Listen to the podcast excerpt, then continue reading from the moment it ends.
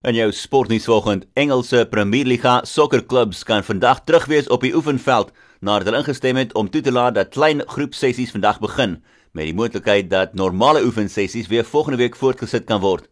Die liga het 'n konferensie oproep gehad met al 20 klubs gister en daar's eenparig besluit om weer te begin oefen, as egter nog nie 'n datum bevestig vir wanneer die seisoen weer kan begin nie. Hulle kyk egter na die 12de Junie as 'n tentatiewe datum vir die seisoen om weer te begin. Cricketspelers sal verbied word om hulle spoeg te gebruik om die bal blink te vryf as gevolg van die koronavirus na aanbevelings deur die internasionale cricketraad.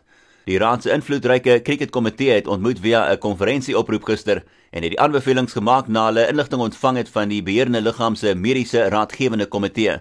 Daar's eenparig besluit dat die risiko te groot is en dat dit nie toegelaat sal word om die tradisionele manier van spoeg te gebruik om die bal blink te vryf vir nou nie, maar sweet sal nog steeds toegelaat word.